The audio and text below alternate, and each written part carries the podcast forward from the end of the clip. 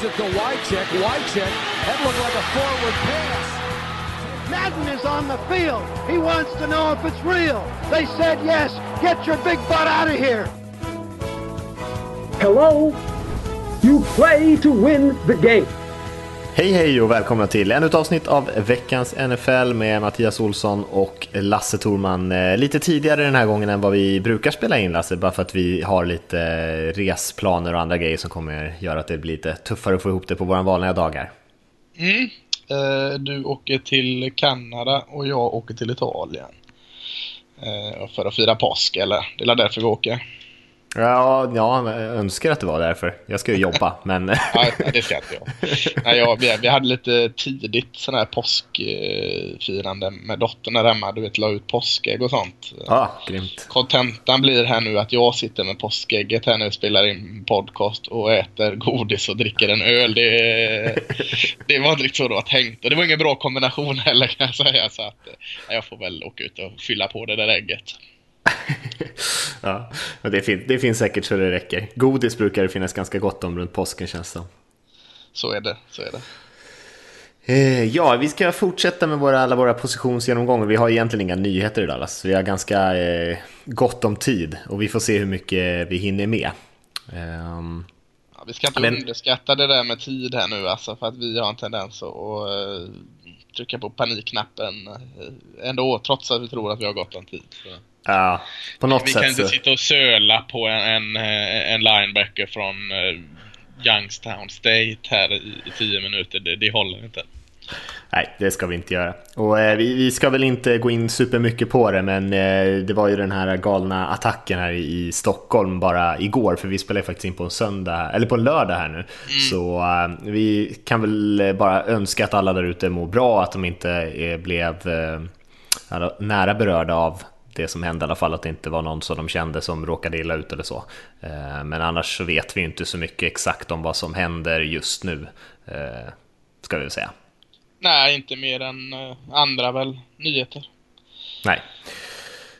Och därför så lägger vi inte supermycket energi på det här, för när ni lyssnar på det så kan det väl ha hänt någonting kanske helt nytt där och man vet lite mer och sådär, så vi ska inte kommentera det för mycket, mer än att Nej. vi hoppas att alla mår bra bara. Absolut. Eh, och vi ska snacka lite safeties idag Lasse, eh, och vi ska snacka lite defensive tackles och vi ska snacka lite linebackers, så kanske att vi börjar med de två sista där i alla fall. Eh, och så ser vi hur långt vi hinner. Vad skulle du vilja börja med? Vi börjar väl med D-tackle för det känns enklast att arbeta sig bak i plan, mm. längs centrallinjen. Mm. Eh. Och vi kan ju säga det också, vi gjorde, vi gjorde ju faktiskt en mockdraft här på Twitter som vi också la upp på sajten sen. Eh, om man vill gå in och kolla lite där vi har försökt gissa lite vilka spelare som går till vilka lag och sådär. En ganska tidig mockdraft, vi gör väl troligtvis en till när vi kommer lite närmare. Men eh, den kan man ju kika in om man inte har sett den än. Mm, jag tycker och, det, var, det var roligt. Mm, ja, det var roligt. Eh, klurigt det där alltid. Eh, ja. Och eh, det var ju, hände ju några tokiga saker. Christian McCaffrey till exempel som ramlade ur första rundan. Det är väl ett par kanske i redaktionen som inte är sådär superhypade på honom som många andra är. Så det kanske var anledningen att det var några av dem som hade de lag som kanske skulle kunna vara intresserade. Men det, om man ska tro på ryktena så, så finns det väl en... de, de flesta tror väl att han kommer gå i första och, och, till och med kanske ganska tidigt i första. Ja, han verkar klättra högt nu. Mm. Ja. Och det får man ju se. Det vet man ju aldrig hur mycket sånt där är rykten och hur mycket som verkligen stämmer i slutändan. Nej, men, men han spelar ju långt, långt ifrån D-tackle, även om han försöker springa igenom dem. Eh, vad tycker jag? Jag känner att defensive tackle i år, eh, jag har ett väldigt fint toppnamn, men annars så är det lite blygsamt med vad jag gillar där. Jag, jag, jag är inte helt såld på den D-tackle-klassen som vi ser i år. Jag vet inte hur, hur du känner. Ja, jag tycker nog, jag håller med om att det är en ganska överlägsen etta och sen så går det ganska fort neråt. Eh, ingen, inte någon jätteimponerande klass tycker jag heller faktiskt jämfört med tidigare år. Nej, nej men då, då är vi eniga än så länge. Eh, jag antar att vi har samma överlägsenhet, annars hade det varit jättekonstigt. Jonathan Allen i eh, Alabama. Jajamän. En, en, eh, lite en mångsidig, mångsidig linjespelare. Han har ju ställt upp både som uh, defensiv end och uh, D-tackle i olika tekniker under året ja, vad ska man säga, explosiv är han ju, men det, det är ju ofta de här höga namnen vi pratar om. Men eh, kan få penetration både på insidan och utsidan. Jag tycker han har eh, läskigt snabba fötter för, för att vara framförallt synsten när han spelar på insidan. Jag är inte van att se så snabba fötter från en insidespelare. Eh, eh jag vet inte, bra bullrush tycker jag nog trots han är inte den största eh, D-tacken. Men eh, nej, jag gillar mycket han är ledare, han känns som en ledare, han är, han är bra både mot pass och spring tycker jag. Eh, ja, jag vet inte, han kanske är lite lätt då för, för nästa steg upp i NFL om man ska bli en mer insidespelare. Eh, det är väl det jag då har som fråga på honom.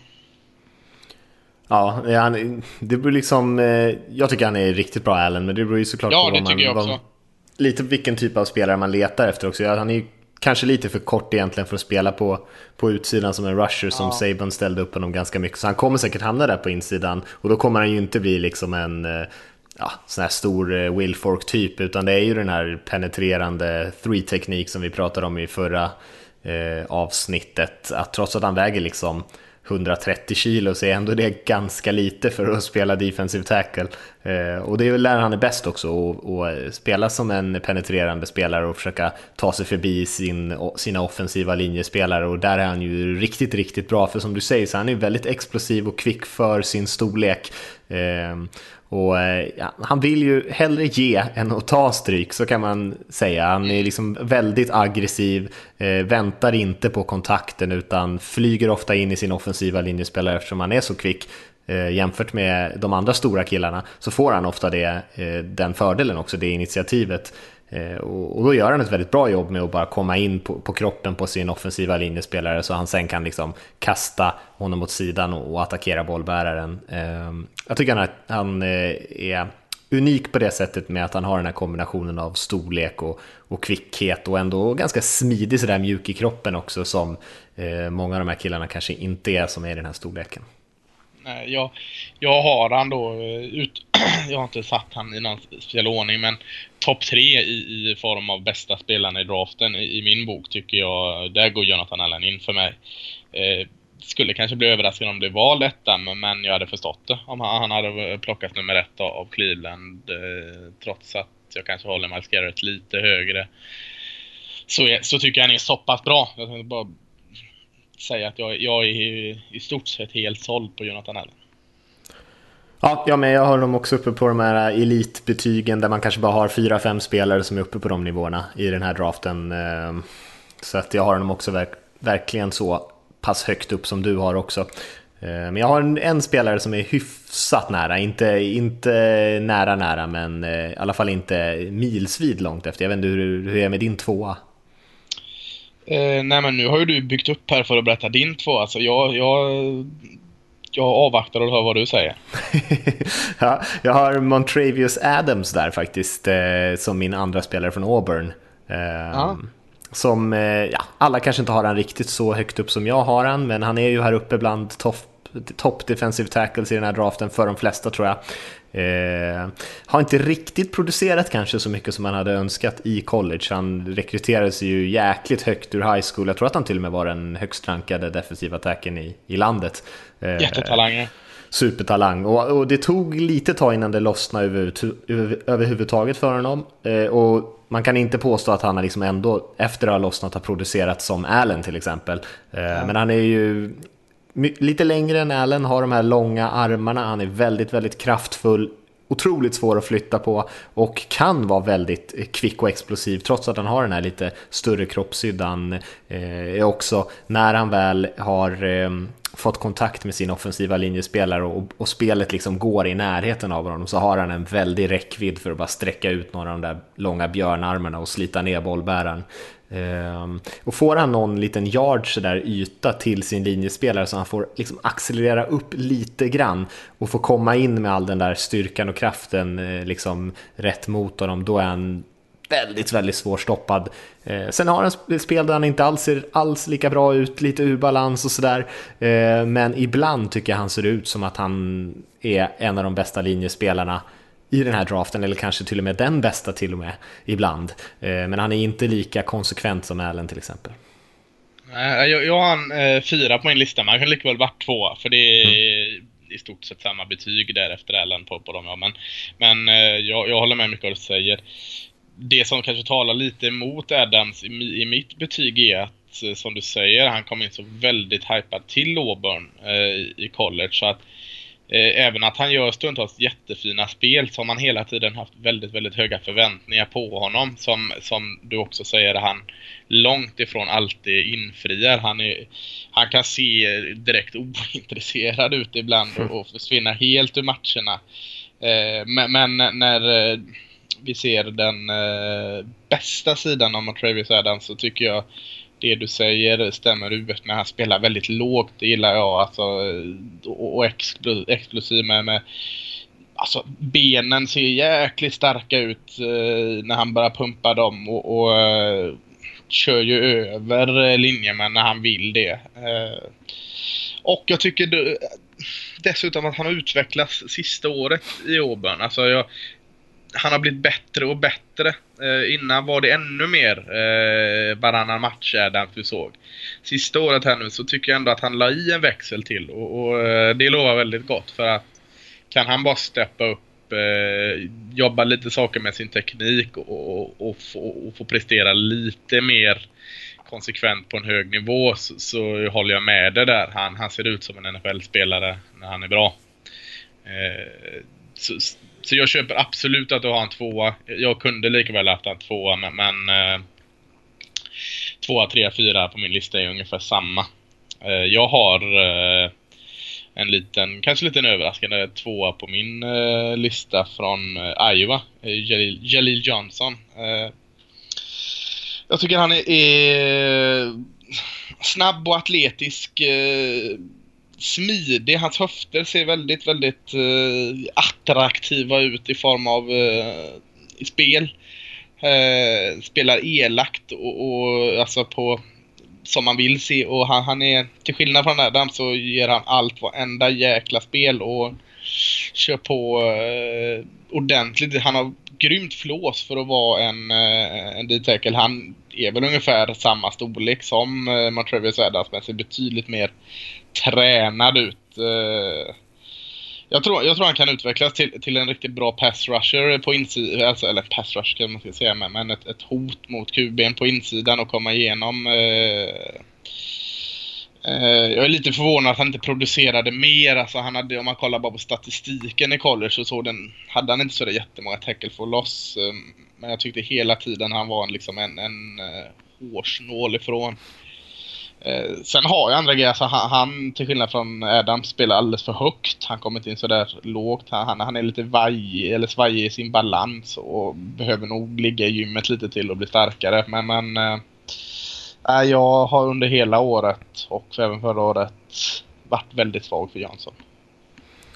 Ja, jag har väl sett lite mer av de här sakerna som du är inne på som kanske inte är enbart positiva då, att han kanske tekniskt sett kan vara lite slarvig. Han eh, är lite längre ändå än Montravius till och med och, lite tyngre, så att just det här med att få liksom sin kroppsvikt med sig och sånt där och, och komma ner med tyngdpunkten och eh, sånt kan han vara lite slarvig med, så han är lite upp och ner, kanske precis som Montravius Adams också är lite upp och ner. Eh, men jag ser ändå att, till, att Johnson kanske till och med är, är ännu lite längre bort än, än Adams är från att liksom uppnå den där potentialen och, och, därmed också kanske lite mer av en chansning. Så jag har honom inte med på eh, så särskilt högt upp på min lista ändå. Mm.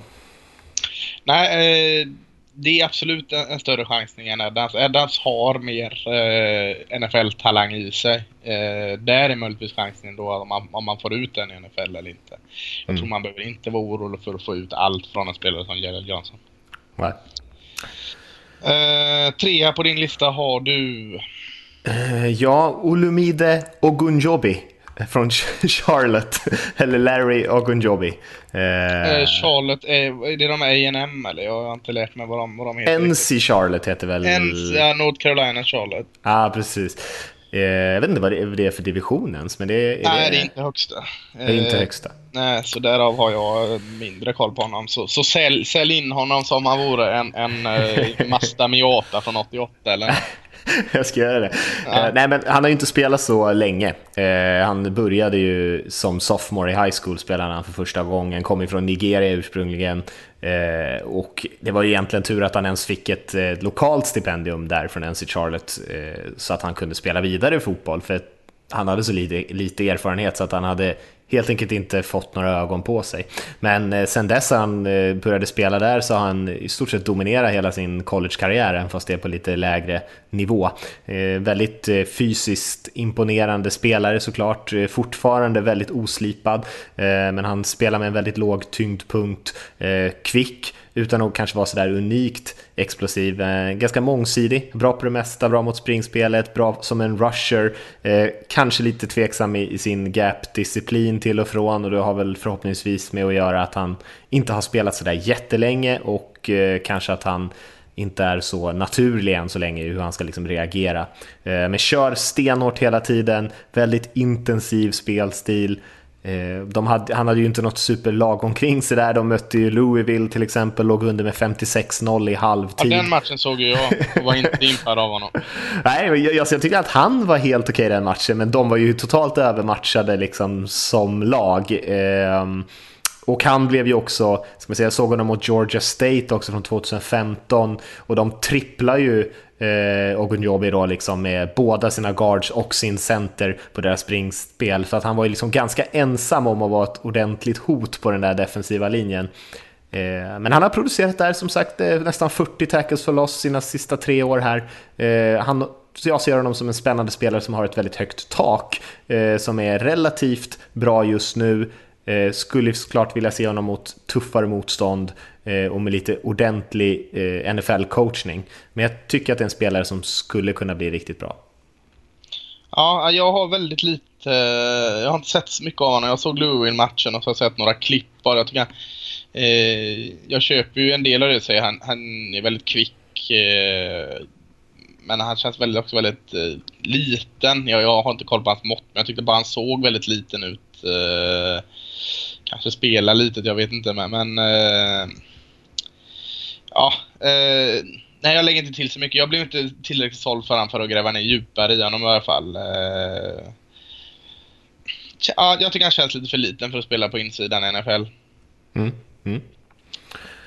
Jag vet inte vad han låg på, men han, han, han spelade relativt, eller listad relativt tungt i alla fall. Eh, inte som de här kanske Eh, fortfarande tyngre än till exempel en Allen, även fast de är lite olika spelartyper. Eh, men han är ju inte någon nose tackle typ Ogunjobi, utan det är också en, eh, framförallt kanske en penetrerande rusher i mitten. Mm. Ja, det är spännande val där. Var det din trea eller? Mm. Eh, och jag, vem hade jag, hade jag sagt min trea? Jag har glömt. Jag tror inte du har gjort det. Vilket minne. Vi får se vem det är. Eh, ja, jag, jag har ju eh, en Florida-kille där. Jag har för övrigt en Florida-kille på alla positioner jag ska prata om idag. Så det blir min, min röda tråd. Det är eh, Caleb Brantley i Florida där. Och som sagt, det är jämnt mellan, mellan Johnson, Brantley och Adams i min lista.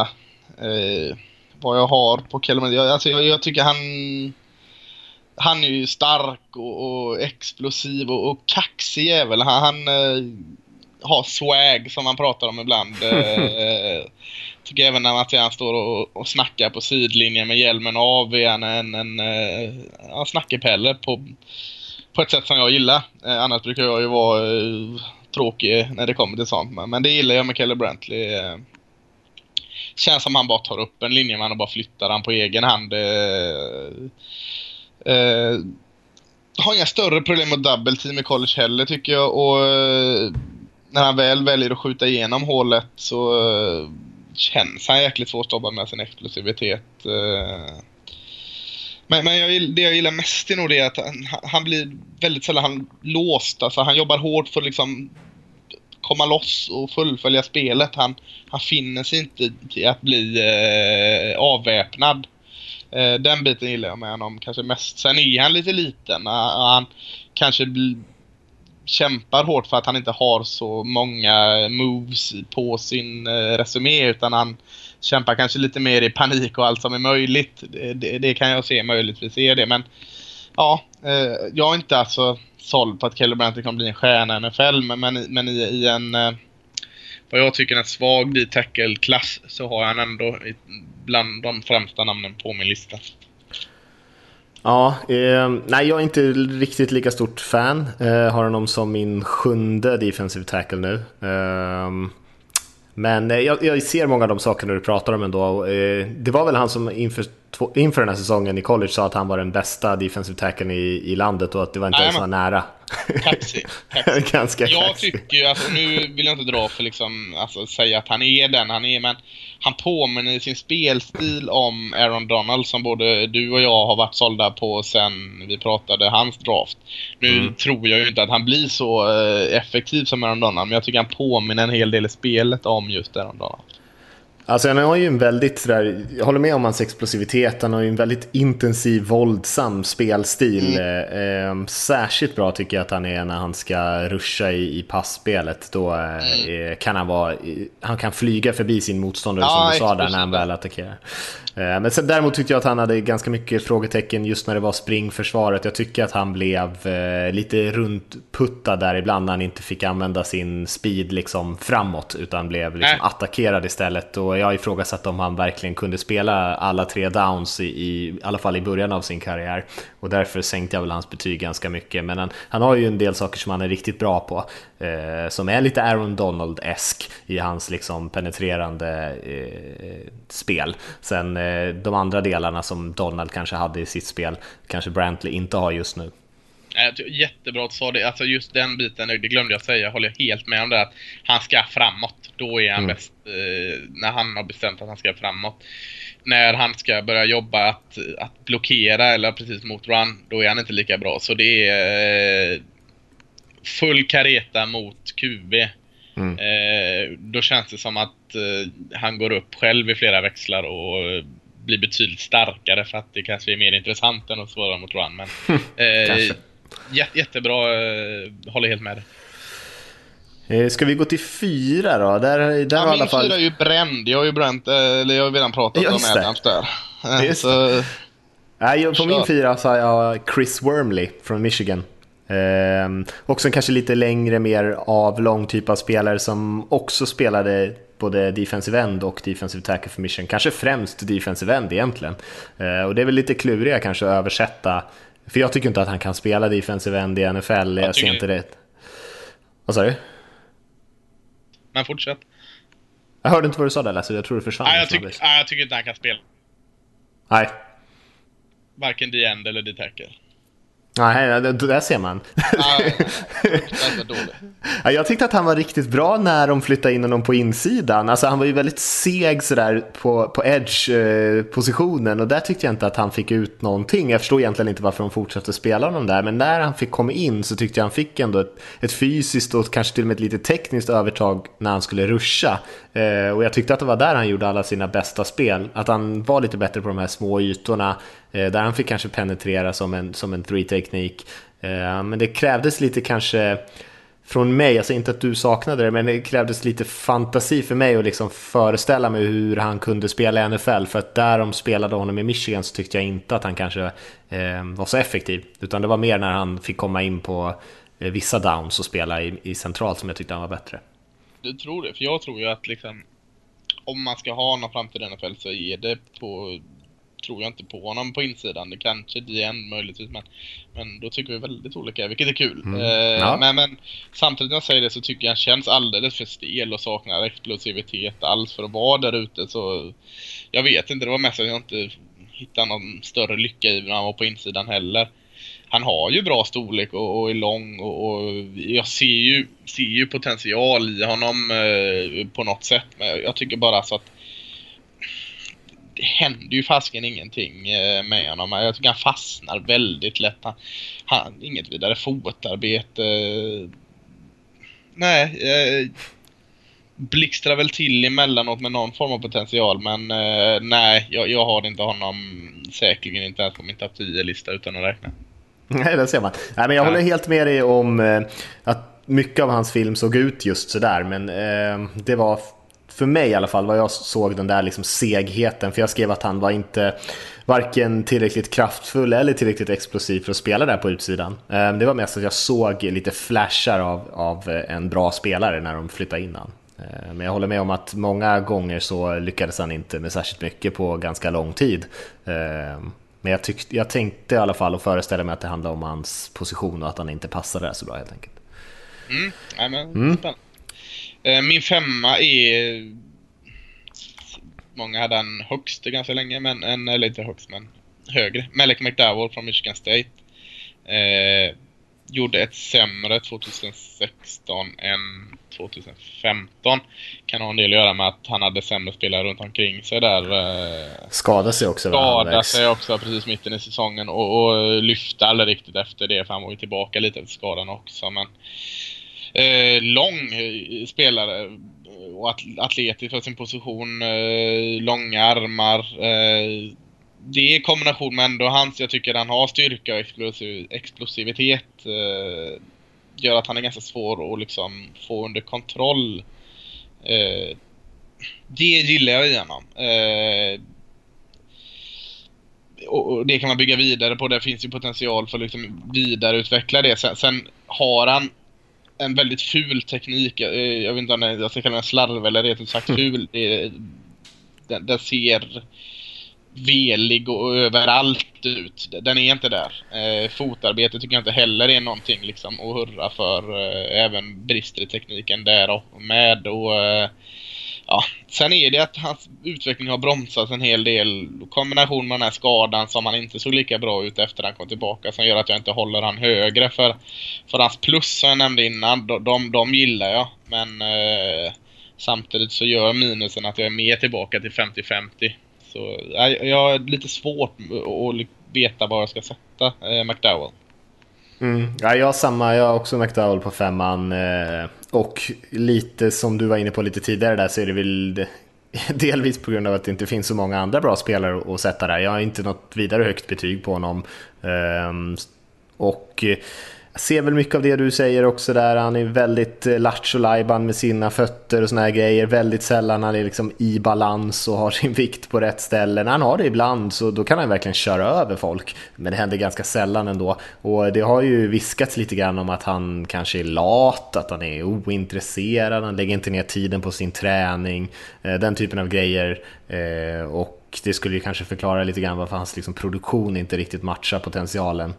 Ehm, men han har ju mycket naturliga grejer att jobba med. En kvick kille trots att han är 6'6 vad det nu blir i, i våra mått. Ganska lång, mjuk. Lång blir ja. det. det är lång. Ganska mjuk i kroppen och sådär. Och, eh, rätt vass med sina händer när han orkar liksom anstränga sig och, och göra det. Eh, men det, han tycker oftast det är roligast när han får jaga quarterbacken lite då och då och då kanske han lägger lite extra ansträngning. Eh, men det ser lite lattjo ut. Han, han har inte huvudet med sig när han spelar för det mesta och det kanske funkar så här på college-nivån även fast han inte har dominerat där heller. Eh, men det funkar inte när han möter minst lika bra atleter på nästa nivå att inte ta liksom sin teknikarbete och de här detaljerna på allvar. Eh, för då kommer han inte åstadkomma någonting. Nej, jag håller med. Eh, Ska vi hoppa vidare från D-tackles eller? Den, uh, har vi pressat ut det vi kan pressa ut från den här positionen?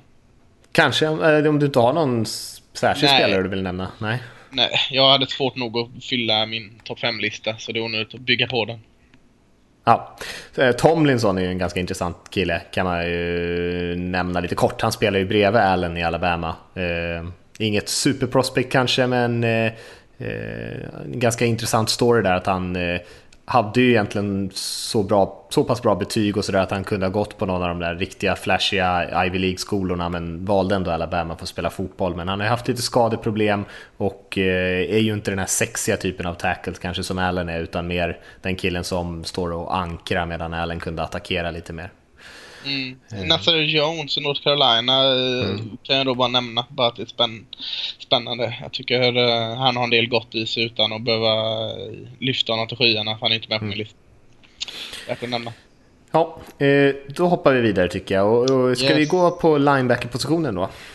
Det tycker jag. Mm. Eh, vad tycker vi om klassen? Jag tycker också att eh, inside linebacker är ju en, en, position som sällan draftas högt. Eh, eller linebacker, jag vet inte vad ska vi kalla positionen? Linebacker bara. Eh, du får nog nästan göra det för det är en väldig ja, blandning. Det är en blandning. Eh, minus en del edge-spelare som antagligen kommer få ställa upp som outside linebacker som vi pratade om förra veckan så är det mm. resten av linebacker säger vi då så, så har vi garderat oss. Ja. Eh, en, inte heller jätteimponerad av skaran. Jag har ändå en två, tre namn som jag gick igång på en del. Eh, jag tror du mer lutar åt ett namn eh, som en solklar etta. Ja, jag vet inte om jag var på dåligt humör när jag kollade linebackers eller inte, men jag, jag har nog varit tuffare än de flesta tror jag mot den här mm. linebackergruppen. Eh, inte superimponerad. Eh, och det beror kanske vad de ska ha för positioner och sådär också. Det finns ju många som kan vara väldigt bra om de hamnar i rätt roll och sådär, eh, men kanske inte är något liksom kom, kompletta spelare på något sätt. Och då har de ändå fått relativt lågt betyg av mig här. Ehm, men det betyder inte att de inte kan vara framgångsrika om de blir någon typ av bra rollspelare i NFL. Nej, våran, nu, nu utgår jag från här att våran gemensamma etta har inte fått eh, dåligt betyg av oss. Eh, Ruben Foster i Alabama. Eh, jag kan inte i mitt liv tro att du har någon annan där. Nej, det har jag inte. Nej, Nej och det är långt ner till tvåan för mig. Yes. det är även en bit ner till tvåan säger jag då från mig. en stark ledare. mitten av Alabamas fräcka försvar. Eh, med brutalt tunga och hårda tacklingar och pondus i sitt sätt att spela. Snabba fötter både i pass och mot spring. Eh, och, och, i kombination då med sin tuffhet så har han den här eh, explosiviteten och, eh, och snabbheten vilket gör att jag tycker han är väldigt eh, en, en jättetalang för NFL. En, mitt minne är väldigt kort men jag minns väl inte så på rak arm de senaste åren där vi har fått en eh, linebacker som kanske inte utpräglad edge som är så lovande som just Foster är. Eh, sen kan man ifrågasätta. Han, han kommer in i draften här med en skada. Han blir hemskickad från Combine. Eh, ja, eh, tekniken i hans tuffa, brutala tacklingar finns inte alltid där. Det har han kommit undan med för att de är eh, grymma annars i, i kraft. Eh, det, det, är väl det då kanske jag skulle lyfta fram som, som något negativt. Ja, eh, Alltså om jag ska ta någonting som är negativt och börja där så kanske... Alltså han har ju en del skadeproblem sedan tidigare, eh, inte minst runt nacke, huvud sådär, för att han har haft en ganska slarvig tacklingsteknik tidigare. Ja. Så att han har liksom gått in lite för aggressivt och skadat sig själv helt enkelt. Och det är ingenting som kanske han har problem med just nu, men som man ändå kanske kan tänka sig kan återkomma. Och sen så, vi, vi nämnde ju Alabama, i två spelare på förra positionen och vi kommer nämna Alabama många gånger under de här draftsnacket. Han har ju haft ett väldigt, väldigt bra lag omkring sig, kanske den bästa defensiva linjen i, i collegefotbollen. Eh, nästan alltid dominant grupp, försvaret i Alabama mot motståndarna, vilket såklart gör det mycket enklare att spela linebacker där också. Han får ju mm. väldigt mycket större, bredare korridorer än andra spelare som vi ska prata om här nu. Eh, och det gör ju såklart att han ser mycket bättre ut, men med det sagt så skulle jag säga att filmen är riktigt, riktigt bra. Eh, om man jämför honom med till exempel Reggie Ragland som var en annan Alabama linebacker som eh, hypades i alla fall som att han skulle gå i första rundan. Jag tror att han gick i andra i slutändan till Bills, va, mm. Lasse? Mm. Eh, Foster tycker jag är mycket bättre. Mycket bättre, klart mycket bättre. Eh, jag har honom som en av de absolut bästa spelarna i den här draften betygsmässigt, som du var inne på. Väldigt aggressiv, eh, instinktiv, beslutsam, ledare. Han går alltid fram till sina lagkamrater, klappar dem på hjälmen, applåderar, fram och firar deras stora spel och såna här grejer. Eh, bra i båda delarna av spelet egentligen. Han sumpade lite vikt inför den här säsongen, gick ner nästan 10 kilo, eh, vilket gjorde att han också blev väldigt mycket kvickare. Eh, syntes ganska tydligt tyckte jag, rör sig väldigt, väldigt smidigt. Ja, men hans spelförståelse är kanske hans absolut största styrka. Och sen så får vi se om han kommer spela middle linebacker eller om de man vill flytta ut honom kanske som en, en, mer av en playmaker lite grann på någon av outside linebacker-positionerna. Annars kanske han måste lägga tillbaka några av de här kilorna på kroppen eh, så att han eh, håller hälsan i behåll om han ska spela som en Mike. Mm. jag håller med dig. Eh, tvåa på din lista, vem har du där? Ja, där har jag Gerard Davis eh, från Florida. Mm. Eh, kanske lite av en klassisk linebacker-typ ändå. Vi, vi har ju lite eh, olika spelartyper här. Ehm, är ändå hyfsat fysisk eh, och gillar att komma neråt plan med, med ganska mycket kraft och fart. Eh, tyvärr kanske så... Eh, orädd känns han. Eh, han är orädd, men han kanske också gillar det här fysiska spelet kanske lite för mycket. För ibland ja. så går han verkligen in för att han liksom ska attackera sin guard eller någonting i en block. Liksom. Och så springer bollbäraren förbi honom för han är fullt upptagen med liksom, han ska dominera den där jäveln framför sig. Eh, och sen har han väl kanske inte räckvidden och speeden för att spela liksom sidlinje till sidlinje, så här vad jag såg i alla fall. Eh, ingen kanske explosiv atlet direkt, går ganska trögt när han ska byta riktning och sådär, utan han gillar mer att komma eh, rätt ner i plan, eh, kanske inte heller den snabbaste på att reagera på vad han ser med ögonen. Eh, men han har hyfsade instinkter, hyfsade kvaliteter även i passförsvar sådär, så länge han inte blir övermatchad av någon supersnabb tight end eller något sånt där. Eh, och även eh, Davis pratar man ju väldigt gott om, om hans egenskaper som ledare och hans träningsvilja och mognad och sånt där. Så det är mycket positivt med honom, men man ska nog veta vad man får. Du sa ingen explosiv atlet.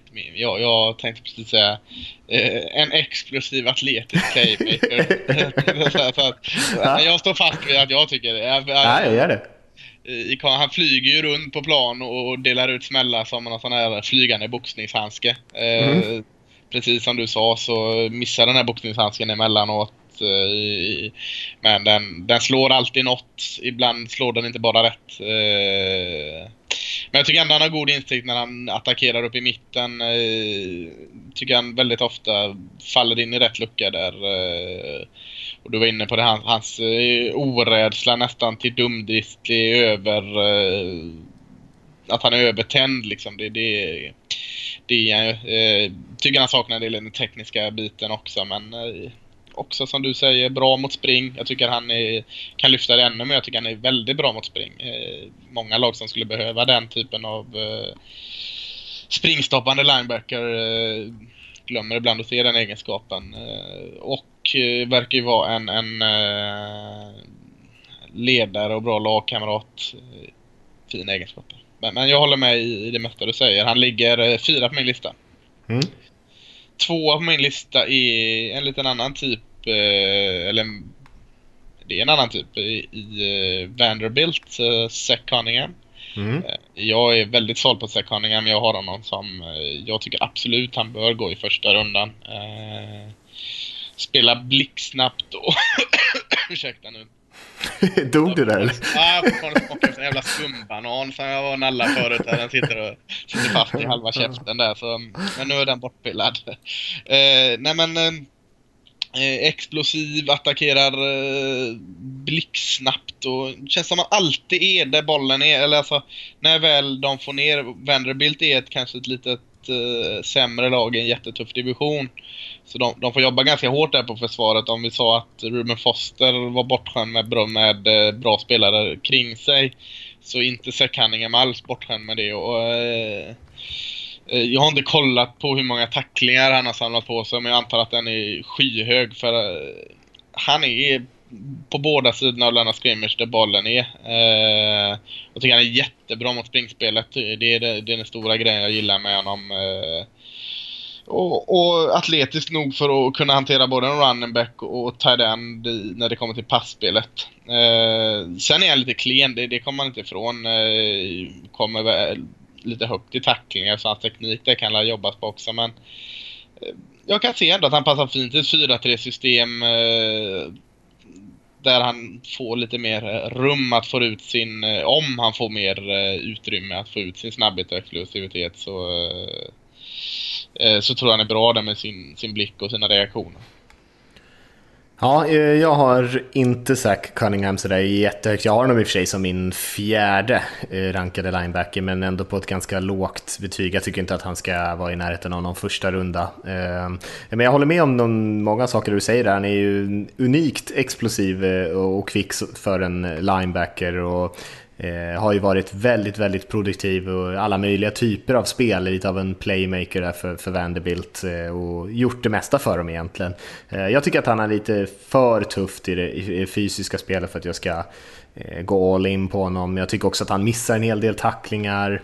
Han får för sig göra en del tacklingar också, men, eh, men att han är lite slarvig där, inte riktigt får grepp om sina spelare. Eh, och eh, att han kanske saknar den där fysiska dimensionen. Jag, jag tror däremot att man kan hitta en roll till honom någonstans eh, där han kanske får spela lite mer som du säger på utsidan med lite mer yta omkring sig. Kanske inte behöver fastna på så många blockers och såna här grejer för där eh, de besegrar han oftast inte.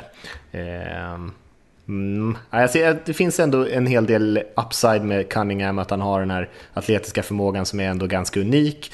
Ehm, men jag tycker inte att den är så pass unik att han är värd att drafta så högt. Nej, ja, där är vi olika. Mm. Trea är jag på min lista nu eller? Ja, det borde vi vara. Mm. Ja, eh, har jag lite högre än de flesta andra Kendall Beckwith eh, i LSU. Mm. Eh, jag har varit ganska såld på honom länge. Eh, har spelat, startat i LSU eh, länge och jag tycker alltid han har varit eh, en tongivande spelare i deras försvar.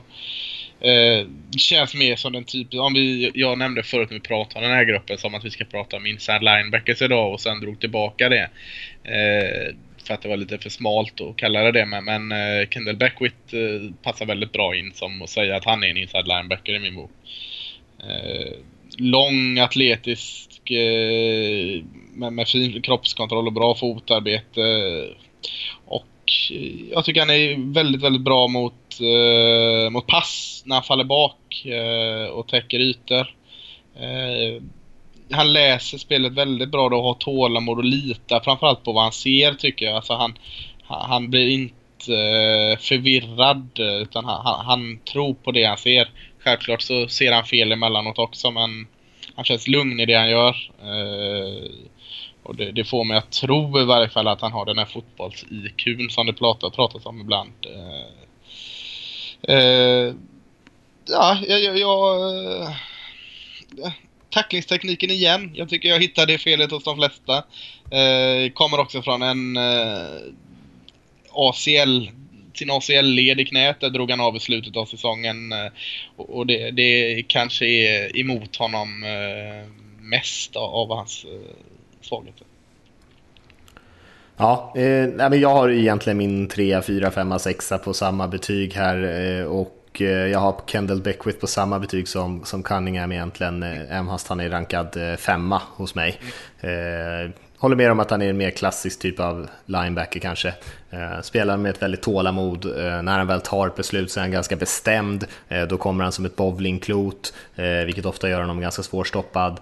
Ehm, och även fast han kanske inte alltid gör spelet själv så, så eh, kommer han ändå med den typen av bestämdhet att han ändå orsakar lite kaos så att någon annan liksom kan städa upp lite efter honom.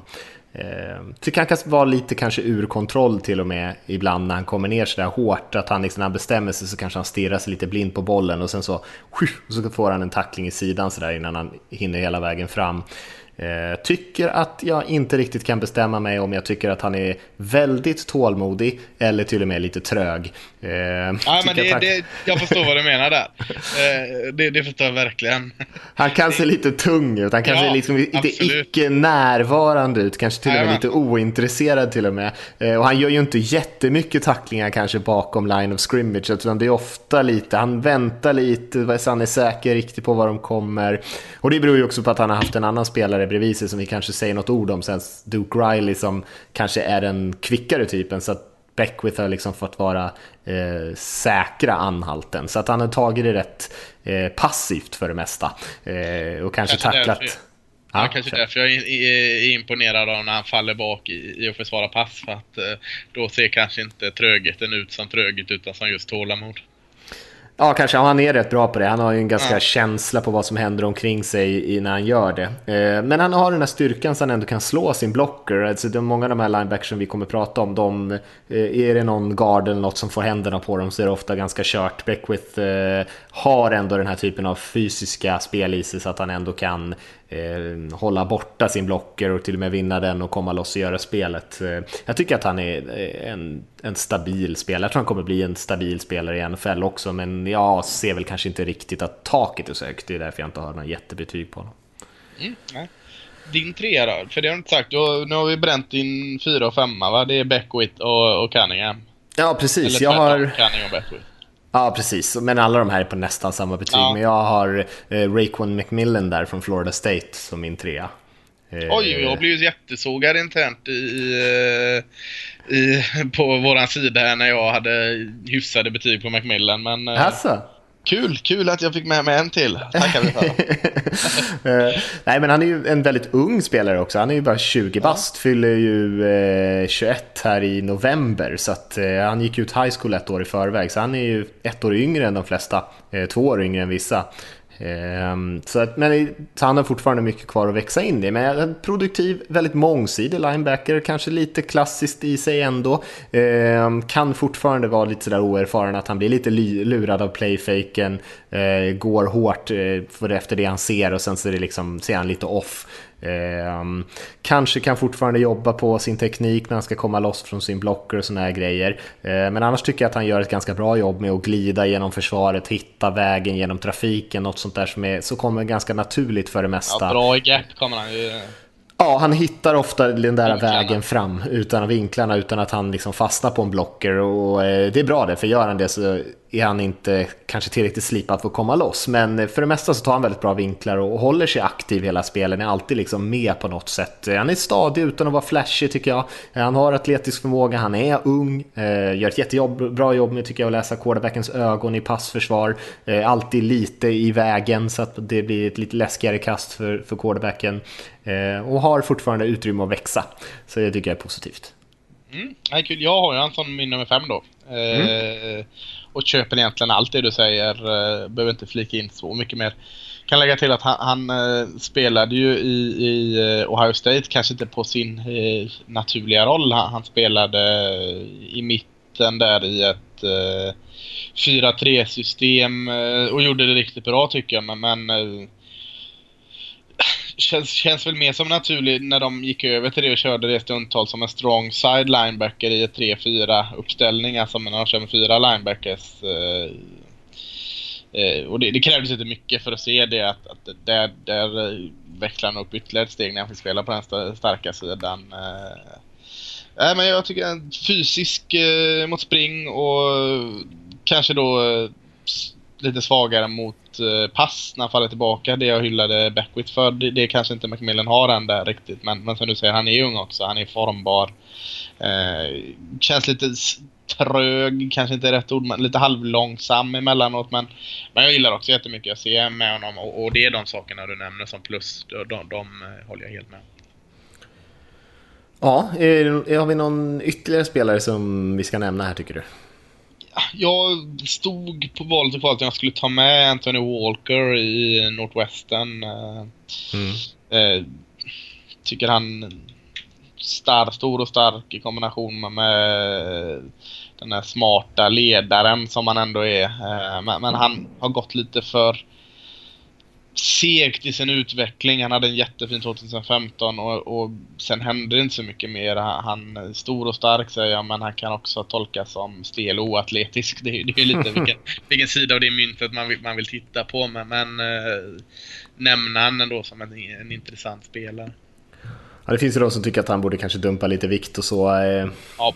Har ju blivit ganska tung. Eh, för annars tycker jag att han har en del atletisk förmåga i sig, men det är ju bara det att han ja, ser kanske lite seg ut, eh, men han har ju Istället verkligen... För uh, tung så valde jag det mer snälla ordet. Han är för kompakt, skrev, skrev jag. Jag vet inte om det stämmer det, men... Uh, nej, jag, jag ska inte dra på för många men jag tycker också en som man inte fått se så väldigt mycket av för att han har haft problem med skador i Jalen Reeves Mabin i Tennessee också. En spännande spelare som spelar smart, men han har haft stora skadeproblem och är lite liten och klen, men spännande tycker jag.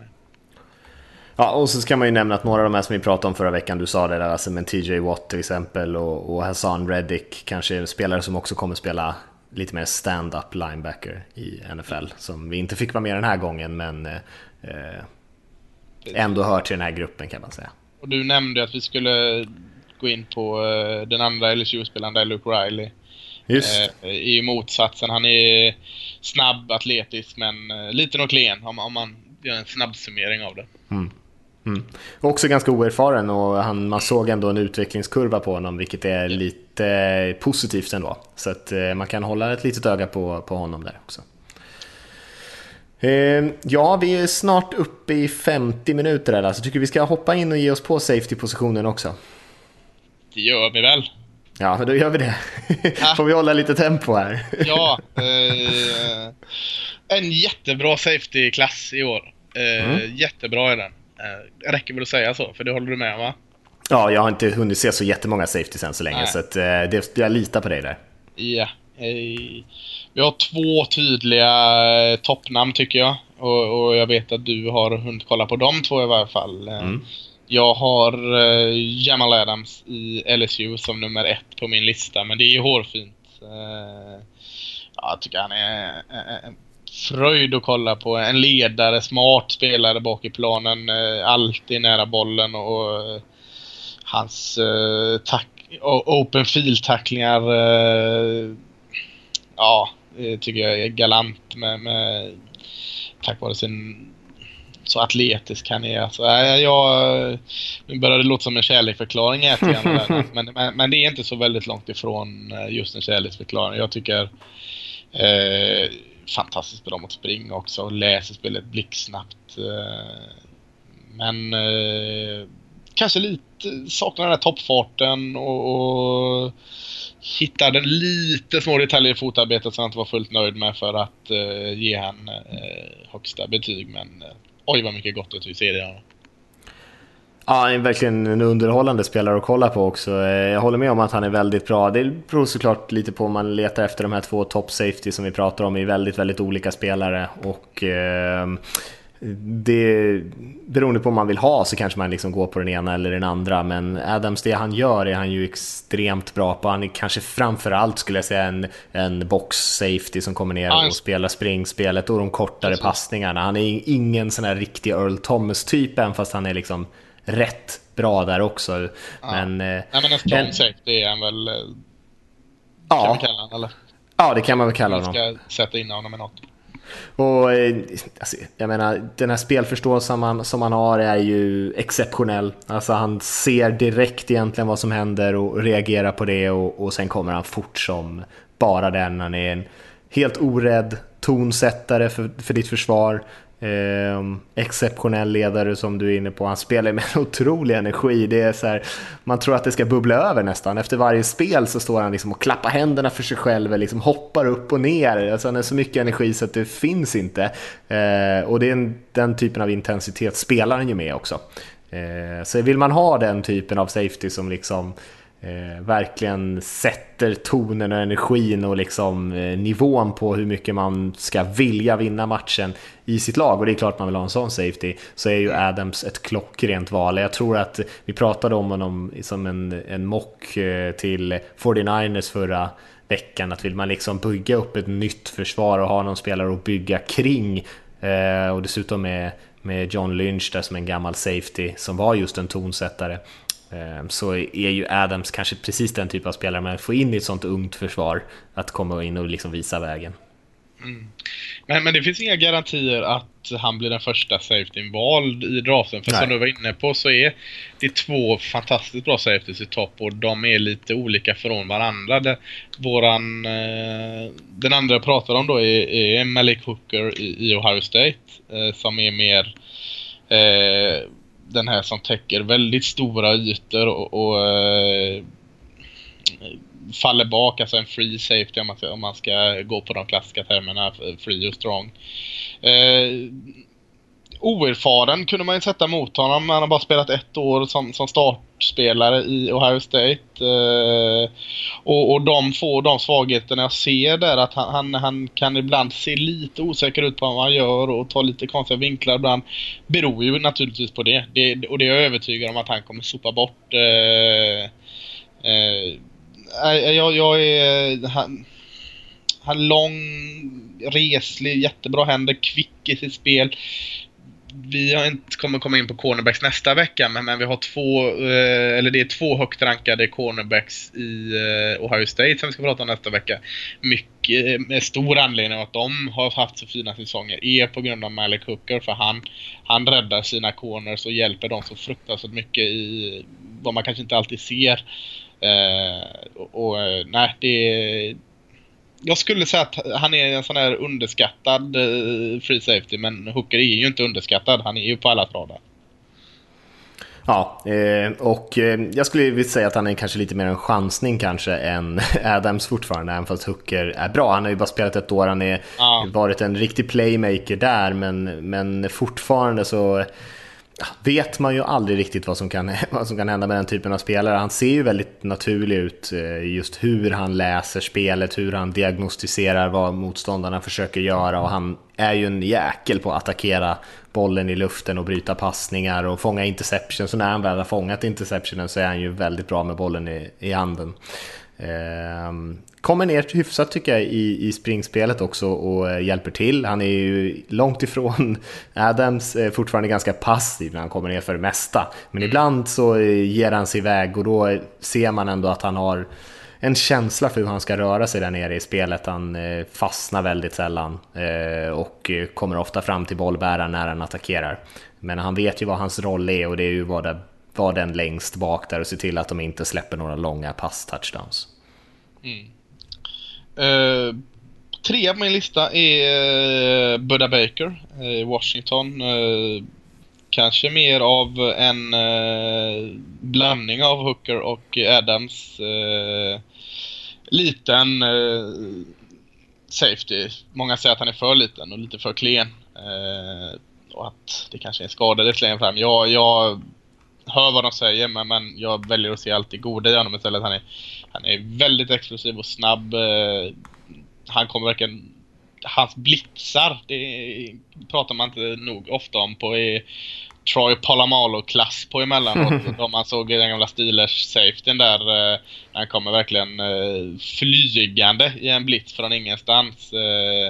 och sen är han bra i markering både i zon och man-man och jättefint fo naturligt fotarbete när det kommer till passen. Han, han läser QB'n väldigt bra. Han luras inte ofta av de här play action som man ser eh, eh, betydligt oftare på college att yngre spelare gör. Eh, eh, men, men du har att han är lite liten alltså, eh, och spelar kanske aggressivare och större än vad han egentligen är och det är där jag får in den här lite varningsflaggan för skador i NFL för att han, han är väldigt orädd och spelar väldigt tufft. Det är det jag också säger att han är en kombination av free och strong safety. Han kan göra båda delar. Men eh, hur mycket kan han bulka upp är en liten, liten frågetecken för. Det kan nog gå illa om man spelar så tufft som man gör med sin ringa storlek i NFL. Men eh, det är också bara det jag sätter lite frågetecken kring honom på. Mm.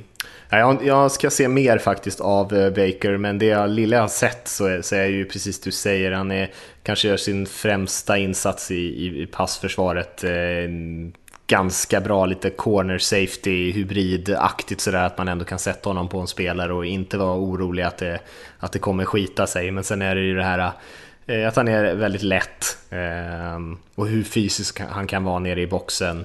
Eh, och lite vad man begär av sin safety också, vilket typ av spelsystem man har. Mm. Uh, fyra på min lista är, är en, uh, en, spelare, säger vi då, för han har spelat lite överallt. Uh, Jaha, ja. Och jag kan inte säga att en försvarare, för han har spelat det i offensiven också. Uh, superatleten Jabril, Jabril Peppers i Michigan. Uh, fruktansvärt underhållande. En sån här spelare man verkligen hoppas hoppas att det ska gå för eh, att han ska lyckas i NFL för att han är en sån... Uh, han är värd biljettpriset bara han när han har eh, en bra dag som han oftast hade i college. Uh, ja, en, en freak-atlet, en playmaker som, som ställer upp som, som corner, som linebacker, som running back i special teams. men, men ska vi liksom ringa in honom i någonting så är det väl i safety-positionen vi får sätta honom. Eh, spelar väldigt aggressivt och, och, är alltid nära bollen. Eh, attackerar spring. Eh, väldigt fin med sin, med sin snabba slutfart och, och tuffa tacklingar. Eh, men så har vi det här nackdelen med att han har varit lite överallt och är kanske att han inte liksom hunnit eh, färdigutveckla sig på någon position för han blir ibland lite lätt bränd och luras och eh, kanske lägger all in i en tackling ibland och missar den. Ja, han, han är inte riktigt där emot passen som han borde vara och kan få det tufft i framförallt man mot man men men, men det är en sån här spelare som, som du måste nästan, och det är kanske också någonting mot honom, att du måste kanske nästan hitta på en roll för att spela honom i ditt försvarsspel. Eh, är man villig att, att, göra det med ett första val? För han, han har ju en talang utöver det vanliga. Det är bara frågan är vart man ska liksom placera in den här talangen i ett NFL-lag. Eh, svårt tycker jag det är att förklara honom. Eh, vi pratar ibland om att man ska gå in och kolla på spelare liksom på film, på Youtube och sånt. Gå in och kolla på Jerry Pepper som inte... Eh, mycket speciell spelare. Ja, det ska bli intressant att se var han, eh, var han landar någonstans. Många av de här spelarna som har inte en solklar roll faller ju ibland lite grann. Och vi har ju sett andra typer av sådana här spelare tyvärr kanske inte riktigt hitta sin roll eh, när de väl kommer till NFL. Eh, men kanske den här Dion Buchanan-rollen som han har i Cardinals sådär, något åt det har safety, linebacker, hybrid. Det är i alla fall rätt era för en Peppers typ att eh, komma in när man, vi ser allt mer nickelpaket, eh, fler DBs på planen och man kanske inte vill ha så mycket linebackers eh, inne för det mesta nu. Eh, så det kanske i alla fall det som ligger Pepper så att han har det till sin fördel, att han är rätt tid för att vara den här typen av hybrid kanske. Ja, vi får hoppas det. För uh, oavsett var han hamnar så vill man... Det är såna här, såna här uh, små kryddor som, som gör NFL till en ännu bättre produkt. Uh, så hoppas han, han, han hittar, hittar rätt. Mm. Min sista man här innan vi rundar av är Marcus May, Free Safety i Florida. Jag väljer att kalla honom Free Safety. Det, och jag väljer också att kalla honom budgetvarianten av Malik Hooker i Ohio State. Eh, han är inte alls där Malik Hooker är, han är inte lika bra men, men, men lite samma, samma eh, typ av spelare. Eh, vi nämnde att Ohio State har två cornerbacks som pratas ganska väl om i draften. Precis så har i läget i Florida. De har också två cornerbacks. Den ena har kanske fått eh, Tease Tabor där har kanske fått lite, sjunka lite efter att man har märkt att han, han var ganska långsam. Och en stor anledning att han kanske kom undan med det i college var att han hade en safety som Marcus May som, som hjälpte han väldigt fint att maskera eh, avsaknaden av toppfart. Eh, eh, bra storlek och eh, ser ut alltså i, i storlek och, och, hur han liksom träder an planen som en NFL-safety redan nu. Eh, spelar bra i man och zon, snabb, bra instinkt, läser spelet bra. Sen är han lite slarvig. Han, han tappar markeringen lite för ofta. Det är lite ibland som man har lite övertro på sin egen kapacitet och, och eh, inte fullt naturliga rörelser i, eh, i höfterna som är ganska viktigt för en safety att ha. Framförallt när han ska falla bak i plan och backpedla. Eh, alltså när man springer snabbt baklänges. Eh, har också lite skador på sitt konto men... men eh, det är har du inte chans att ta Malik Hooker men behöver den typen av spelare så kan du säkert eh, plocka Marcus May i, i, andra eller med eh, absolut maxflyt i tredje rundan. Eh, jag har han lite högre än vad de flesta andra har honom men det är mest för att jag, jag ser mycket av det jag ser i Malik Hooker i Marcus May. Mm. Spännande. Det finns mycket att hämta ur den här gruppen som sagt. Har du någon ytterligare spelare som du skulle vilja nämna innan vi rundar av här? Vi måste ju nästan nämna uh, Obi Melonfonvo i Yukon här. Uh, Freak ja, uh, behöver kanske inte liksom gå in på, han har han inte färdig produkt än, men han hade ju jättefina resultat. Ytterligare en Yukon Safety. Vi har ju Jones här i Dallas som draftades i första rundan för ett år sedan. Också, också var ett fysiskt freak. Ja, precis. Eh, men han är en stor, snabb eh, och bevisligen då atletisk spelare. Men sen, sen finns det en del frågetecken i hur han är i zon och hur han läser spelet och hur mogen han är att liksom gå in och starta mer än att han gör sig bra i test. Men, men, men eh, han måste nämnas i alla fall. Yes, eh, då ska vi, jag tänkte vi skulle ta två frågor Lasse innan vi rundar mm. av också. Just för att vi. vi har eh, fått in lite frågor som vi inte har hunnit ta och nu eftersom vi kommer köra ett litet kort uppehåll här till nästa så känns det lika bra att riva av dem. Mm. Eh, vi kan börja med en fråga från Abbas här som skriver Hej grabbar! Podden har som vanligt varit saknad under uppehållet efter Super Bowl. Eh, har en fundering snarare än en fråga. Och så skriver han att Lasse kan hålla för öronen nu för han kommer ifrågasätta Tony Romo här. Eh, och så har vi en ganska lång text här, jag läser den lite, lite i tempo här. Eh, nu verkar det som att Tony Romo lägger av efter två skadefyllda år. Hyllningskören sjunger för fullt och sociala medier fylls av krönikor och gratulationer till en framgångsrik karriär. Men verkligen, jag är beredd att kraftigt ifrågasätta om Tony Romos karriär kan ses som framgångsrik. Visserligen har han massa statistiska klubbrekord, men är detta framgång efter 14 år som QB i Americas team? Tony Romo har tagit Cowboys till slutspel endast fyra år av nio som startande QB, vunnit två av sex playoff-matcher, aldrig utnämnd till First Team All-Pro. Vi minns alla gånger han underpresterat i matcher av betydelse och direkt kostat sina lag vinster. Under denna karriär har han alltså tjänat 128 miljoner dollar, baseras dessa hyllningar på att Romo verkar vara en hygglig person utanför banan eller för riktiga prestationer? Kandidat för Pro Football Hall of Fame? Absolut inte, enligt Abbas här. Vad tycker ni om Tony Romos karriär om ni analyserar med kritiska ögon? Tack för det ni gör och må väl. Ja, eh, tack för din åsikt. Jag tycker du är, har sjukt fel. Men jag är väldigt färgad i den här frågan, så Mattias, du får säga vad du tycker. Eh, nej men viss rätt har han ju ändå och det var vi inne på tycker jag, fast vi formulerar det lite annorlunda kanske. Alltså jag tycker ju att det var tråkigt att Tony Romo aldrig har fått uppleva de här slutspelsframgångarna kanske, men jag tycker nog inte att det faller på Romo för det mesta, utan det faller nog på laget omkring som inte har hållit samma nivå som honom.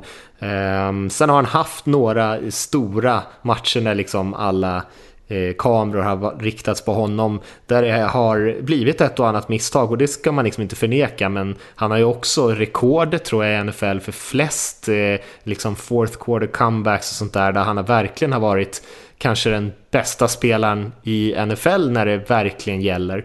Eh, så det finns ju båda sidor av myntet där på något sätt. Eh, att ja, det, det, är ju ändå en lagsport i slutändan eh, och jag också skulle säga att Tony Romo kanske är någonstans mitt emellan eh, Hall of Fame och inte Hall of Fame. Eh, precis som jag tycker att Eli Manning är någonstans där strax utanför kanske till och med. Jag skulle hellre sätta in Tony Romo i Hall of Fame än Eli Manning. Eh, för jag tycker han är en bättre spelare oavsett om Manning har ringarna med sig. Eh, så jag håller lite med Abbas om vissa saker han skriver här såklart. Eh, och eh, håller inte med honom om en hel del annat. Han har fortfarande varit en av de bästa quarterbacksen i NFL under sin era. Och extremt underhållande också. Mm. Ja, men då, då nöjer vi oss där. Jag, jag flikar inte in. Det, det är bäst för alla. det är bäst för alla inblandade. Mm. Tar vi en fråga från Axel här som skriver Tjena grabbar, vill börja med att tacka för denna podd som gör varje säsong betydligt mycket roligare. Men nu till frågan, hur funkar egentligen lönesättningen i NFL? Om vi tar exempel Andrew Luck som jag tror får typ 140 miljoner dollar på sex år. Är det han själv som bestämmer den summan eller hade Ryan Griggs någon tydlig riktlinje att gå efter om man utgår från Lucks potential med mera? Kan inte tänka mig att det var Luck själv som krävde så mycket pengar då man fått intrycket av en sympatisk sympatisk kille med bland annat en flipphone i fickan. Ha det bra, skriver Axel. Det lät precis som du beskrev en hipster eller något sånt där flipphone och, och, och skägg eller... Nej, ej, ej, löner kort, det är väl förhandlingar liksom som i alla jobb. Förutom att de flesta jobben kanske inte har ett lönetak att tänka på men... Men, men eh, det, det, är väl, de sitter och förhandlar med, med agent och, och Andrew Luck och, och, det är klart han är, verkar ju vara en sympatisk människa men samtidigt ser han ju också vad andra kuber runt om i ligan eh, tjänar och lägger väl upp lite som standarden efter det. Och, och, och sen, sen är det väl en balansgång vad, vad eh, klubbledningen tycker att det är värt att spendera på honom. Eh, så hårda förhandlingar även om att han är en eh, trevlig pjäs eh, är det ju absolut. Och klart han vill ha pengen betalt. Ja, och man eh, undviker ju kanske den här personliga kontakten när man liksom skickar in agenten och sköter den här förhandlingen och sen så håller man sig oftast lite utanför så behöver det inte bli så hetskt kanske. Eh, och så går det inte alltid till men med de här stora spelarna så gör det ju definitivt det. De har ju representanter som liksom de får ju betalt för att, att, få så mycket pengar som möjligt och får de, skriver de ett dåligt kontrakt åt sin klient då Eh, ser inte det jättebra ut på deras CV när de ska värva nya kunder sen till sitt stall av spelare. Eh, men jag har ju sagt det förut, jag tycker att quarterback skulle kunna vara mycket tuffare mot sina lag. En spelare som Andrew Luck, vad, är hans riktiga värde egentligen? Om det skulle bli budgivning om hans tjänster till exempel, det är ju mycket högre än det här kontraktet. Eh, och så är det ju med alla egentligen, top quarterbacks skulle ju kunna vara mycket mer betalda egentligen. Eh, men de flesta vill ju stanna i sina lag där de vet eh, hur det funkar och man vet att man kommer att kanske ha framgång fortsatt där, känner coacherna och systemen och allting. Eh, och så håller man ändå lönerna på en hyfsad nivå. Men det skulle ju mycket väl kunna sticka iväg om de hade haft ett annat system med free agency och så. Mm. Nej, tror det får räcka. Vi säger så. Ehm, och som sagt, det blir lite uppehåll innan vi kör igen. Så att, eh, kan vi tänka oss att vi är tillbaka? Det är väl nog veckan innan draften där Lasse, tror jag. Ehm, och kör sista i positionsgruppen då, cornerbacks. Så ska vi kanske titta på nå, din och min topplista kanske, vilka spelare vi tycker bäst oavsett position och kanske till och med kika på någon mockdraft sådär. Ehm, jag har inte planerat det i detalj, men eh, det låter väl ungefär som något vi skulle kunna hitta på, Lasse det låter väl eh, som en bra plan tror jag. Kring löning ungefär tror jag vi, vi är tillbaka igen. För då är vi hemma och vill ha lönekuvertet i hand. Vet du. Då kan vi inte vara ute och segla längre. eh, så eh, dubbel glädje kring löning. Pengar i fickan och, och eh, podden i lurarna. Perfekt, perfekt. Eh, och med det sagt så eh, tack alla ni som har lyssnat. Eh, som sagt, skicka in frågor om ni vill. Det är podcast nflsupporter.se om ni vill ha någonting där innan draften kickar igång. Men annars får ni ha det bra tills vi hörs igen om en och en halv vecka eller något sånt där.